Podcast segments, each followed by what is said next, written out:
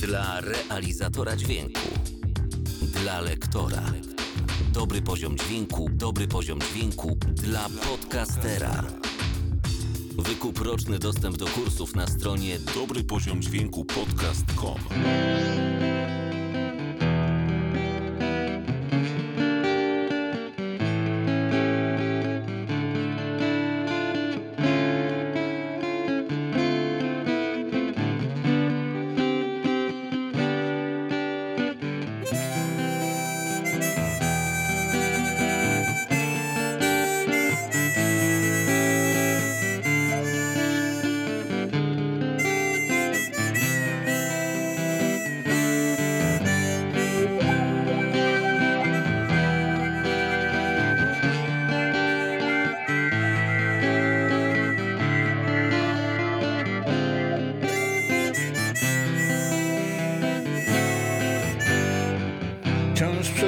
dokądś gnamy. Ludzi w tłumie omijamy Bo gnamy. Wciąż przed siebie gnamy. Czasu coraz mniej dla siebie mamy Bo przed siebie dokądś gnamy. Wciąż gnamy. Wciąż przed siebie gnamy Poeta pisze piosenkę, a tu powoli dzień się kończy. On wierzy, że pisze coś nowego. A kiedy zwykły świt nastanie i wstanie normalny, zwykły dzień, on pomarzy, że pisał coś nowego. Wciąż przed siebie dokądś gnamy. Ludzi w tłumie omijamy Bo gnamy. Wciąż przed siebie gnamy. Czasu coraz mniej dla siebie mamy Bo przed siebie dokądś gnamy. Wciąż gnamy. Wciąż przed siebie gnamy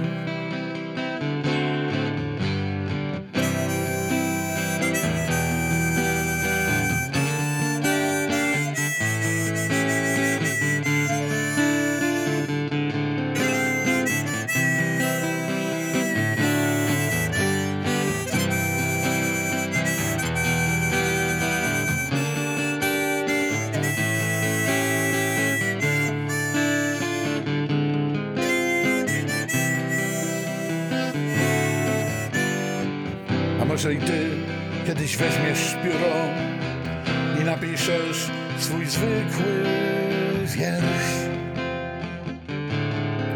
z prozy życia. A kiedy zwykły świt nastanie i wzejdzie normalny, szary dzień, ty pomarzysz, że pisałeś coś nowego. Wciąż przed siebie dokądś gnamy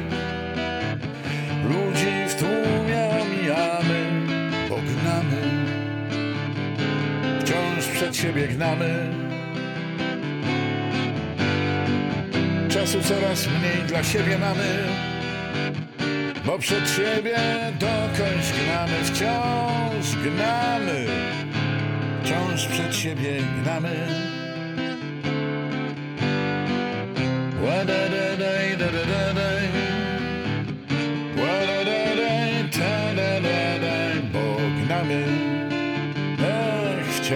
przed siebie.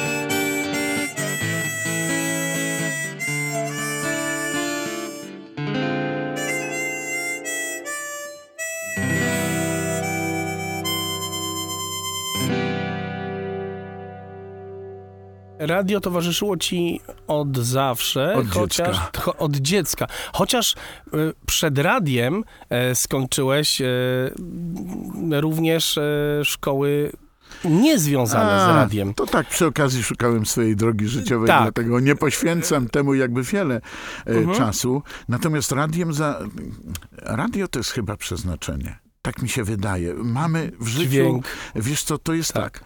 Będąc dzieckiem, to znam z opowieści nieżyjących już moich rodziców. E, mieliśmy pokój z kuchnią, więc wiadomo, warunki lokalowe takie, jakie były. Wychowywaliśmy się tam z bratem i z rodzicami mieszkaliśmy. Na ulicy Łęczyckiej zresztą do dzisiaj zawsze trójki mi y, się zdarzały w życiu, bo to była Łęczycka 13 przez 3, a potem przenieśliśmy się na Widną 3 przez 33. Taka Ciągle zbieżność trójki. trójek, tak. Mhm. Dopiero potem się to przełamało. A w szkole też miałeś tylko trójki? Kasztanowa 3A. Ale do czego dążę? Otóż taka była niesamowita historia, że ja jako dziecko e, bardzo lubiłem, kiedy grało radio. Takie duże, lampowe radio stało niedaleko mojego łóżeczka. I dopóki to radio grało, to dziecko takie jak ja było bardzo grzeczne. I rodzice to odkryli w momencie, w którym to radio wyłączyli. Wtedy dziecko zrobiło się bardzo niedobre. Zaczęło wrzeszczeć, kopać i w ogóle. Tak opowiadali mi rodzice. Więc jak wyczaili, że to jest złoty środek, to radio właściwie grało całą dobę. I to był mój początek wsłuchiwania się w dźwięki płynące z radia. Natomiast potem trafiłem jeszcze będąc dzieckiem do rozgłośni akademickiej Iglica we Wrocławiu. To było radio akademickie. Dodam, szanowni państwo, radio akademickie to było radio, które nadawało nie w eter, bo wtedy nie wolno było w eter nadawać, to tak nie działało. Nadawało do zwykłych drewnianych skrzynek zwanych głośnikami. W każdym akademiku w pokoju wisiał taki głośnik i to było radio akademickie, ale słuchalność wtedy tego radia, jeżeli było 14 tysięcy studentów e, na Politechnice, przykładowo, to większość z nich słuchała tego radia akademickiego, bo studenci wtedy tworzyli taką y, bardzo odrębną grupę społeczną, która miała swoje kluby, która się nie izolowała, ale miała swoją kulturę studencką, która miała swoją, y, swoje radio akademickie, która miała swoje gazety, które wtedy wychodziły. Teraz jest trochę inaczej. Mm, A wtedy studenci to była taka właśnie grupa. No i to radio akademickie to było coś bardzo ważnego. Ja tam trafiłem jako dziecko, zupełny przypadek i kolejna historia szybciutko do opowiedzenia. Y, Stałem na placu grunwaldzkim we Wrocławiu, niedaleko y, Politechniki, niedaleko akademików Politechniki i nagle podeszło do mnie dwóch gości, dodam, że byłem wtedy w siódmej klasie szkoły podstawowej chyba, i zapytali mnie, czy ja lubię słodycze. No co może odpowiedzieć dorastające dziecko w siódmej klasie? No, że lubi. A oni powiedzieli, dobrze, to zapraszamy cię na wieczór do naszego radia akademickiego, bo dzisiaj jest Dzień Dziecka i my musimy mieć jakieś dziecko na programie. Przyjdziesz? No oczywiście przyszedłem.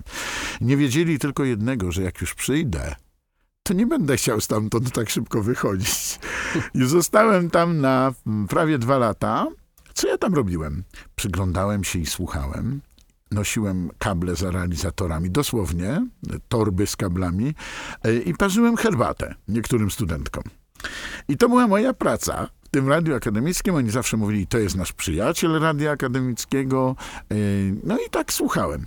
Potem moja droga życiowa sprawiła, że trafiłem do Krakowa i tu się już skończyły żarty. Zaczęły się poważne sprawy, e, bo w międzyczasie pracowałem jeszcze w spółdzielni, ale nie umiałem tam pracować i moi pracodawcy poradzili mi, żebym poszedł się kształcić dalej. Ja to wykorzystałem. No i w ten sposób trafiłem do Krakowa. I tam kolejna niesamowita historia. Przechodziliśmy koło klubu Karlik w Krakowie. Ten klub, y, znaczy pomieszczenia są do dzisiaj, natomiast klub zawiesił działalność. Natomiast tam była siedziba Akademickiego Radia Brzęczek. I my przechodziliśmy kiedyś przypadkowo z moim kolegą niewidomym i zaintrygowały nas schody do tego klubu. Weszliśmy tam i za chwilę weszliśmy w jakieś drzwi, które były otwarte i rozległ się, a co chcecie, bo to jest radio akademickie. No i my się zapytaliśmy, jaka jest możliwość współpracy. Mm, No i pełniąca wtedy obowiązki szefowej Irena Strycharz powiedziała, no to pokażcie, co umiecie. I pamiętam, jak nagrałem pierwszą ankietę do audycji o duchach. Yy, Nagrałem to z moim przyjacielem, yy, Józef Głąb nazywa się mój wielki przyjaciel, rodowity góral. I zaistnieliśmy w tym radiu akademickim, uwaga, na 9 lat. Nie odstąpiliśmy przez 9 lat, a moje funkcje w tym radiu były bardzo ciekawe, bo mm, pełniłem najpierw funkcję dziennikarza muzycznego, potem już prowadzącego cały blok programowy, y, potem na koniec zostałem szefem redakcji rozrywki w tym radiu. No i to były najfajniejsze czasy, bo w tamtych czasach śmiano się z różnych rzeczy i prześmiestwo to była rzecz, która w radiu akademickim kwitła. Radio Brzęczek nauczyło mnie właściwie wszystkiego, co później przydało mi się w normalnym e, radiu. Mówię w normalnym, czyli w Radiu Kraków, gdzie pracowałem przez pewien czas, a potem z małą przerwą trafiłem do Polskiego Radia Wrocław. Wtedy sprzęt Akademii Górniczo-Hutniczej, sprzęt techniczny do emisji był lepszy niż w rozgłośniach regionalnych. Akademia Górniczo-Hutnicza, czyli AGH tak zwane, miało dużo pieniędzy i miało nawet swoją telewizję w tamtych czasach. Natomiast, no oczywiście telewizja mnie nie interesowała, ale radio akademickie dało mi szansę wyszkolenia się w sprawach realizacji dźwięku. To było bardzo ważne. Wtedy były magnetofony na taśmy, to się nazywało Mechlabor. Tam były Mechlabory 600, to były magnetofony węgierskie. E, no i stół SNK 181, to do dziś pamiętam. Ja znakomicie opanowałem sztukę najpierw nagrywania na tak zwany palec, czyli sztukowanie dźwięku na wajchę, czyli nie, nie, nie było to ścięcie taśmy nożyczkami, a później opanowałem montaż, gdzie cięło się taśmę radiową nożyczkami, przyklejało sklejki. E, to jest długa historia, z tym montażem nie chciałbym przynudzać. Polegało to na tym, że taśma magnetofonowa ma dwie strony. Po jednej stronie jest dźwięk, a po drugiej jest y, przestrzeń, którą można było kleić sklejkami. Magnetofon ma obroty takie, że nie słychać tych sklejek i można było spokojnie wyciąć, jeśli ktoś miał e, mm, e, tak, bo często rozmówcy tak mają, to to wszystko można było wyciąć.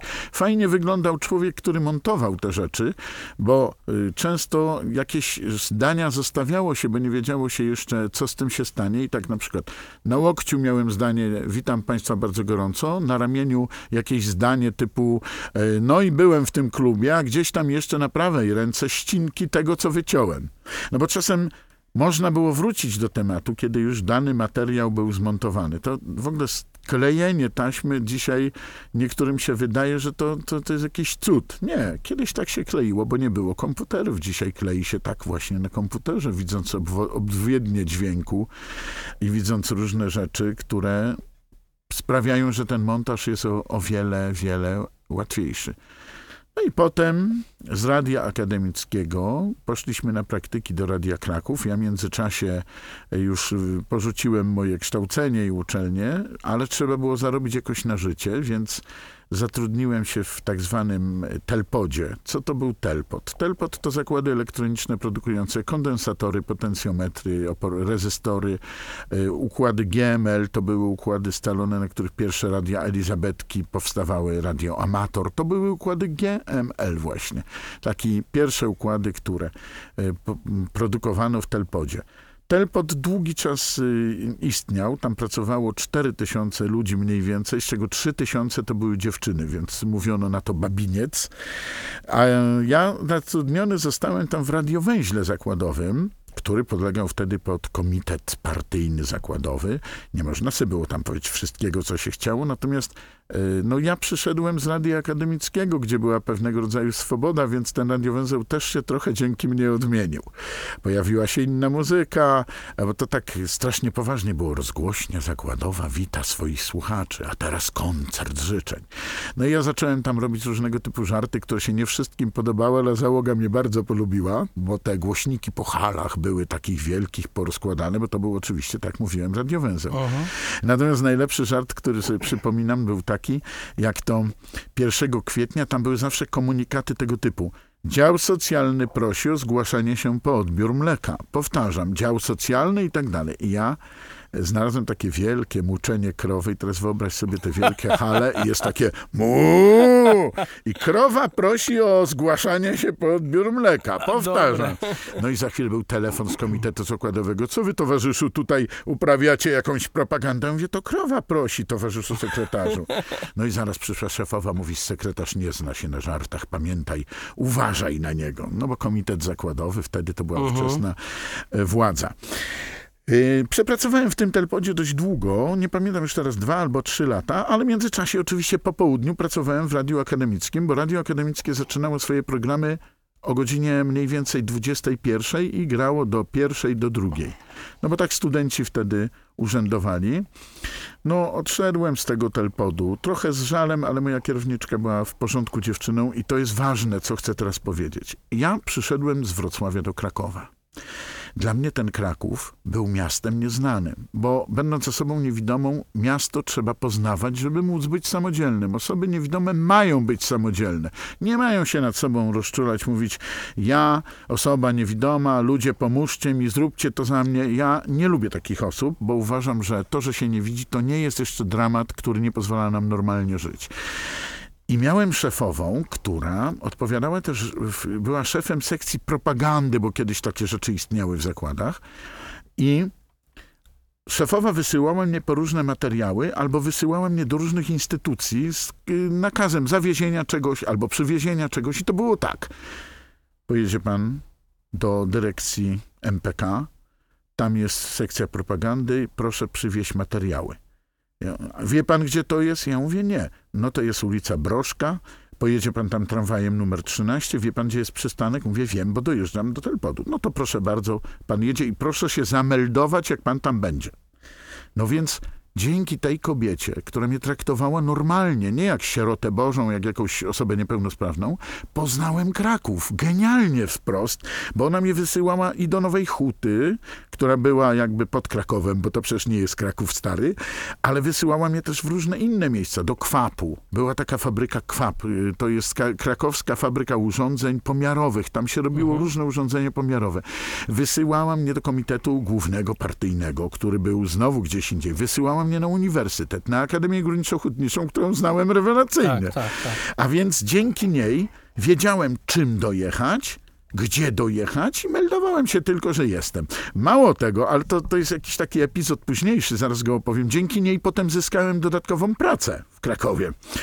E, szefowa była bardzo w porządku, natomiast no ja podpadłem niestety, bo nie chciałem przyjść do pracy 1 maja, żeby nagłaśniać tam jakieś parady mm, partyjnej, bo ja byłem niestety anty trochę czerwony i nie chciałem tej parady nagłaśniać i tu błąd. Wziąłem dwa zwolnienia lekarskie, jedno na e, 1 maja, które mówiło, że choruję na żołądek, a drugie nieopatrznie, bo poszedłem do drugiego lekarza, żeby przedłużyć te zwolnienie i nie powiedziałem mu o tym pierwszym.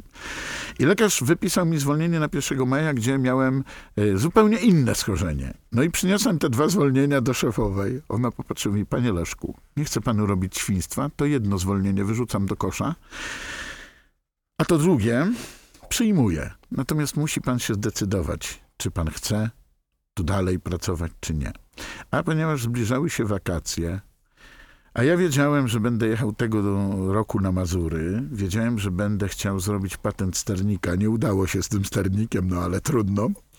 Więc mówię, dobra, to tak szefowo dopracuję do końca miesiąca i pożegnamy się. Dobrze, proszę pana, jak pan sobie życzy. Nie chce panu robić świństwa. I pani Irena, to była moja szefowa, naprawdę zachowała wielką klasę. Rozstaliśmy się w zgodzie. Dzwoniłem do niej parokrotnie, bo dziękowałem jej po latach już za to, że dokonała rehabilitacji na osobie niewidomej i nawet tego nie wiedziała.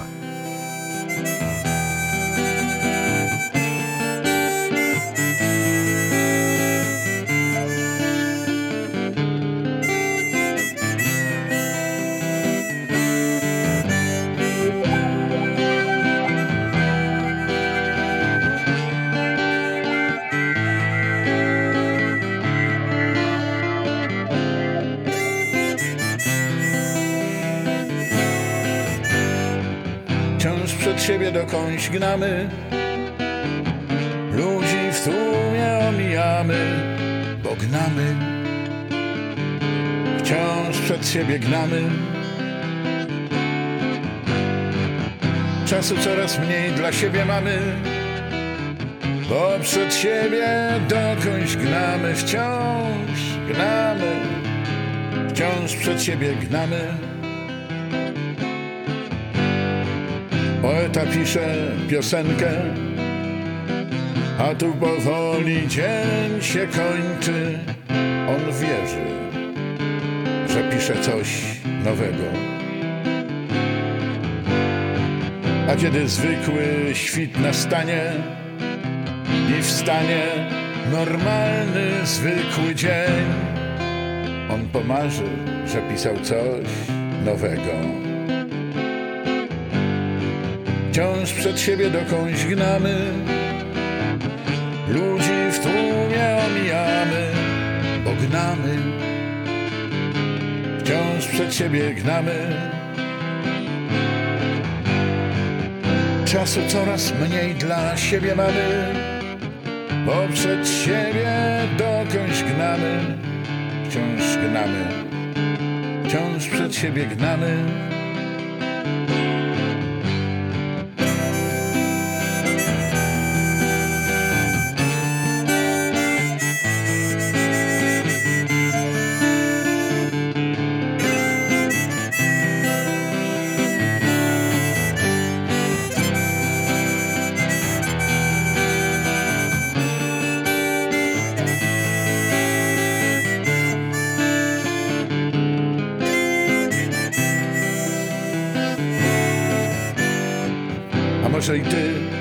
Kiedyś weźmiesz pióro i napiszesz swój zwykły wiersz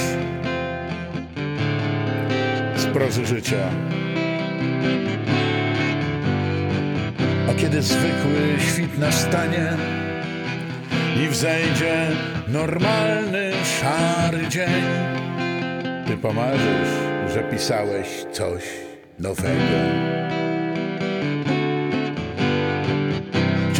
Siebie dokądś gnamy. Ludzi w tłumie omijamy Pognamy. Wciąż przed siebie gnamy. Czasu coraz mniej dla siebie mamy Bo przed siebie dokądś gnamy Wciąż gnamy. Wciąż przed siebie gnamy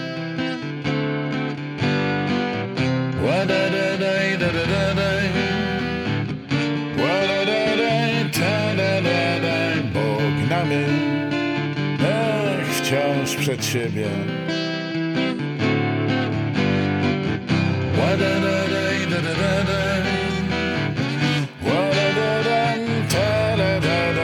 Bo gnamy ach, wciąż przed siebie.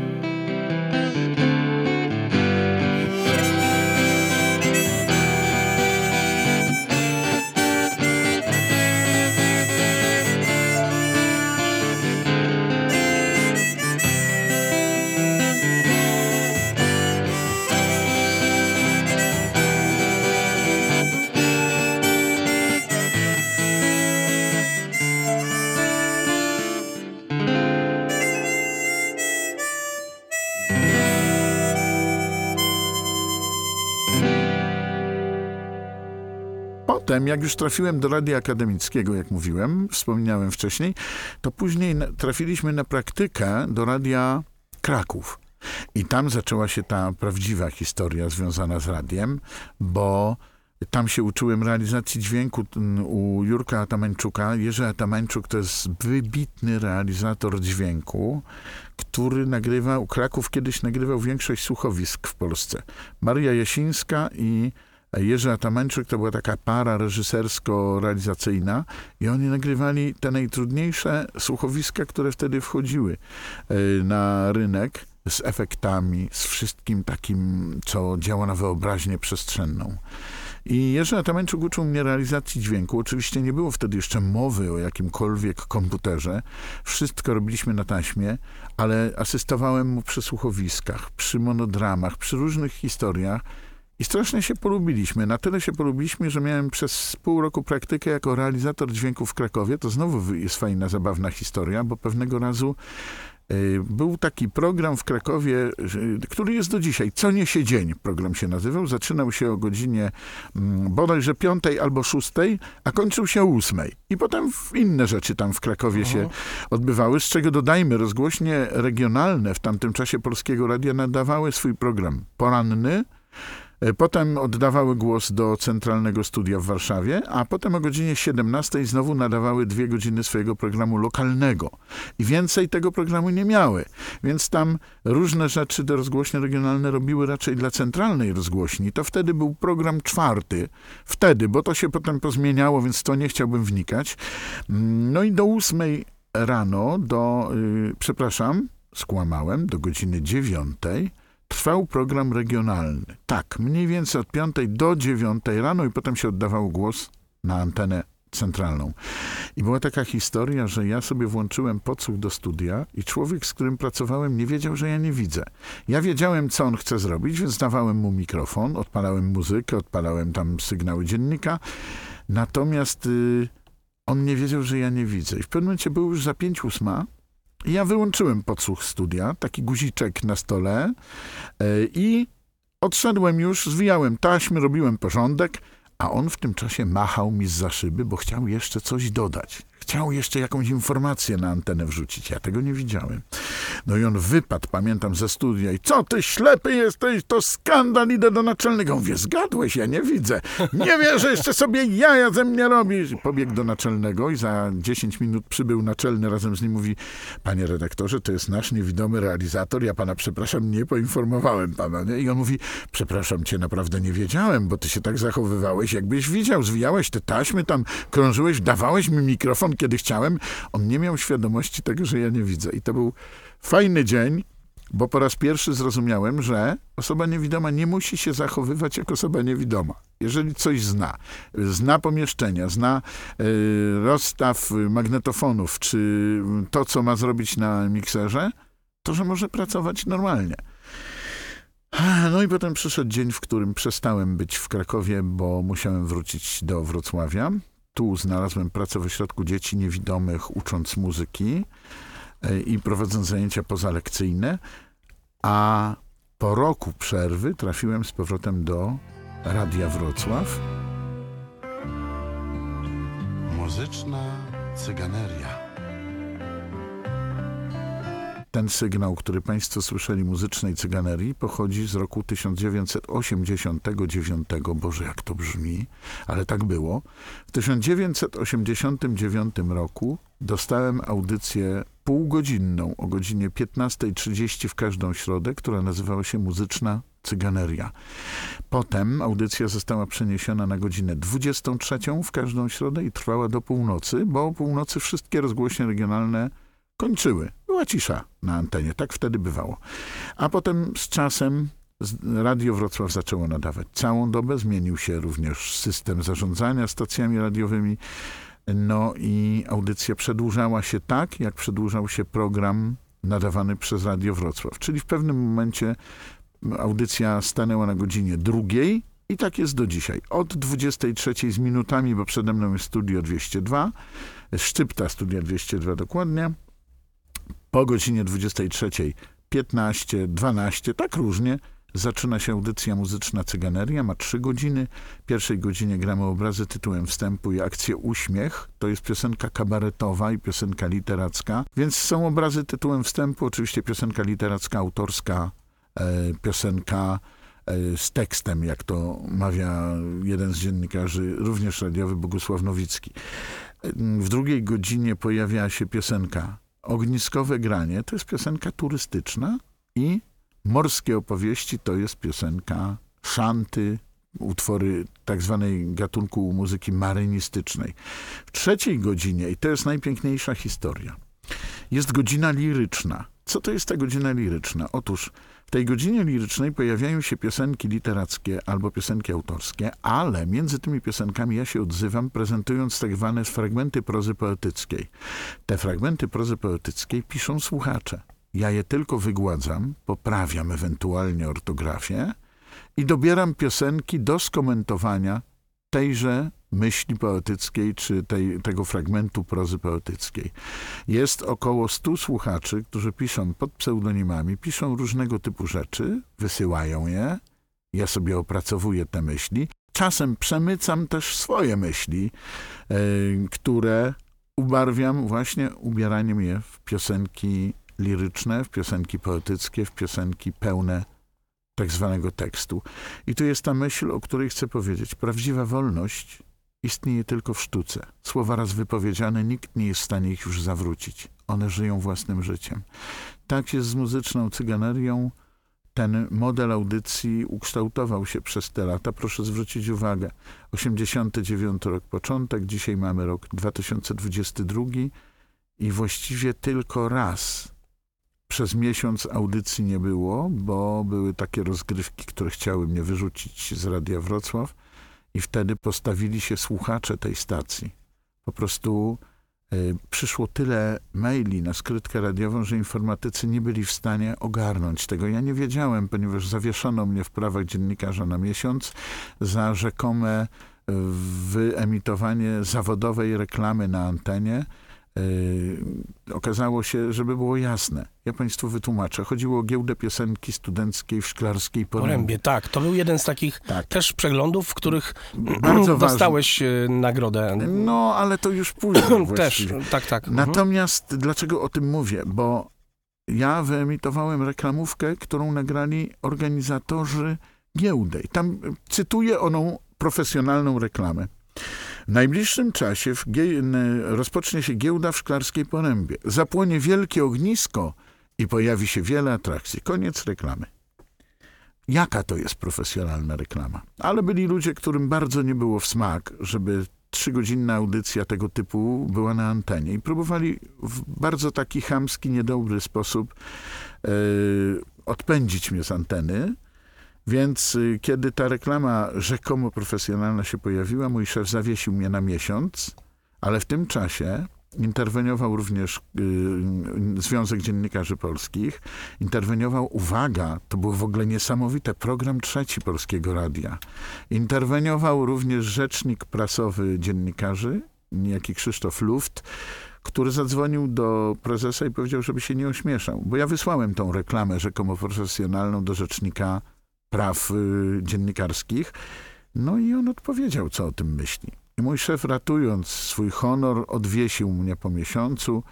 E, No i audycja wróciła jakby na swoje tory, ale to tak naprawdę dzięki słuchaczom, bo ja wtedy zorientowałem się, kiedy się pojawiłem w sekretariacie, to też taka historia, że łzy człowiekowi z oczu płyną, bo Ale to w ogóle nie wiedziałem nawet. wtedy zrozumiałem, jak bardzo jest ta audycja potrzebna O, jak bardzo ważna jest piosenka autorska, jak bardzo ważna jest tak zwana, mówią o tym nisza, ja się z tym nie zgadzam, to nie jest muzyka niszowa, to tylko u nas przerobiono tą muzykę na niszową, bo komuś tak było wygodniej, żeby na przykład grana była muzyka disco-polowa, czy jakaś inna muzyka. Natomiast mm, to wcale nie jest niszowa y, muzyka, dlatego że mnóstwo ludzi, ja nie narzekam na brak słuchaczy. My mamy cały czas telefony, mamy cały czas maile, cały czas na Facebooku coś się dzieje, bo wtedy nie było tych profili, proszę zwrócić uwagę. Natomiast, no cóż, mój szef musiał się pogodzić z tematem e, tego, że przegrał tą rozgrywkę. Ja też się nie obnosiłem z tym zwycięstwem jakoś. Ja po prostu zrozumiałem, bo wtedy pracowałem też y, w Radiu Szafir i mnóstwo ludzi pisało na Radio Szafir. I pamiętam, jak y, audycja miała wrócić dzień przed powrotem na antenę, dziękowałem ludziom na profilu Radia Szafir. Dziękowałem im z domu, nadając y, to podziękowanie.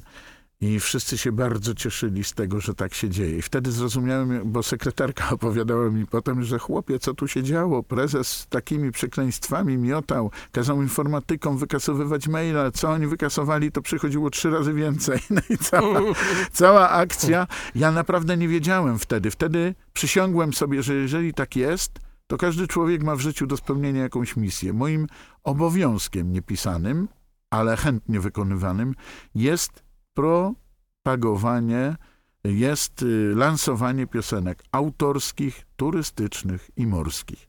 I staram, aktorska piosenka też w to wchodzi, ponieważ e, właściwie tak naprawdę ta audycja ma, jest jedną z najdłuższych na antenie rozgłośni regionalnych, ponieważ ja mam trzy godziny, tak jak mówiłem, tej audycji. Natomiast Basia Stępniak-Wilk w Krakowie ma bombonierkę, która ma tylko godzinę.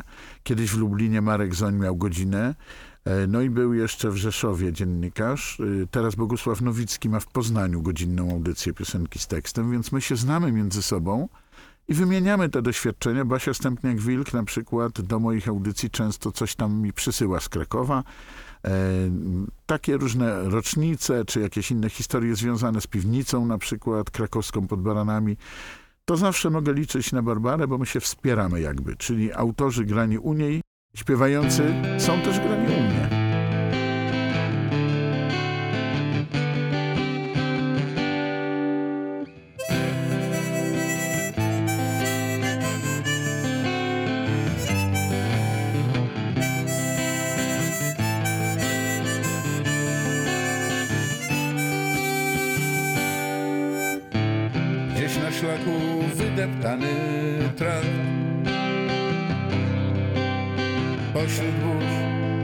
Czasem w deszcz wiatr. Rodzi się muzyka moja Której cały świat zamykam Zaczarowana Pięciolinia gra. Więc graj, więc graj. Muzyko z moich myśli Podaruj ludziom taki sekret, który pozwoli Więc graj, więc graj Muzyko z moich myśli. Powiedz ludziom dobre słowa Powiedz ludziom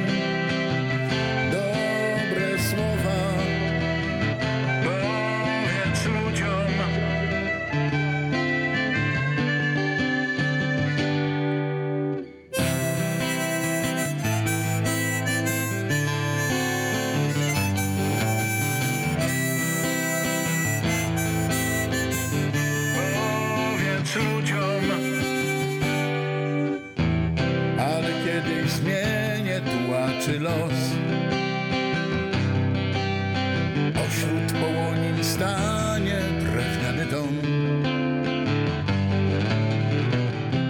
A wieczorem przy kominku Będę siadał z moją muzyką Bo przecież ona zawsze we mnie jest. Więc graj,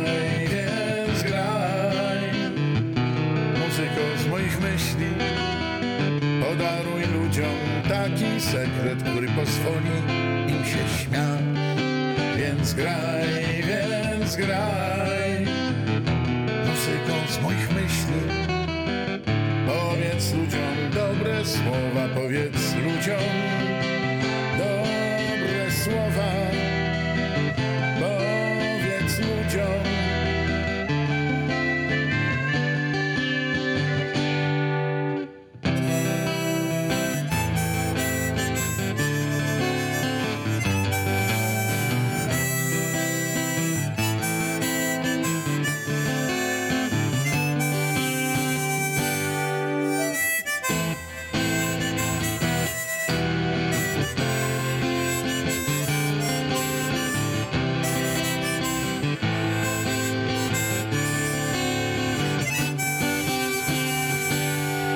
Więc graj, więc graj.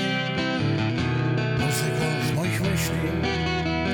Podaruj ludziom taki sekret, który pozwoli im się śmiać. Więc graj, więc graj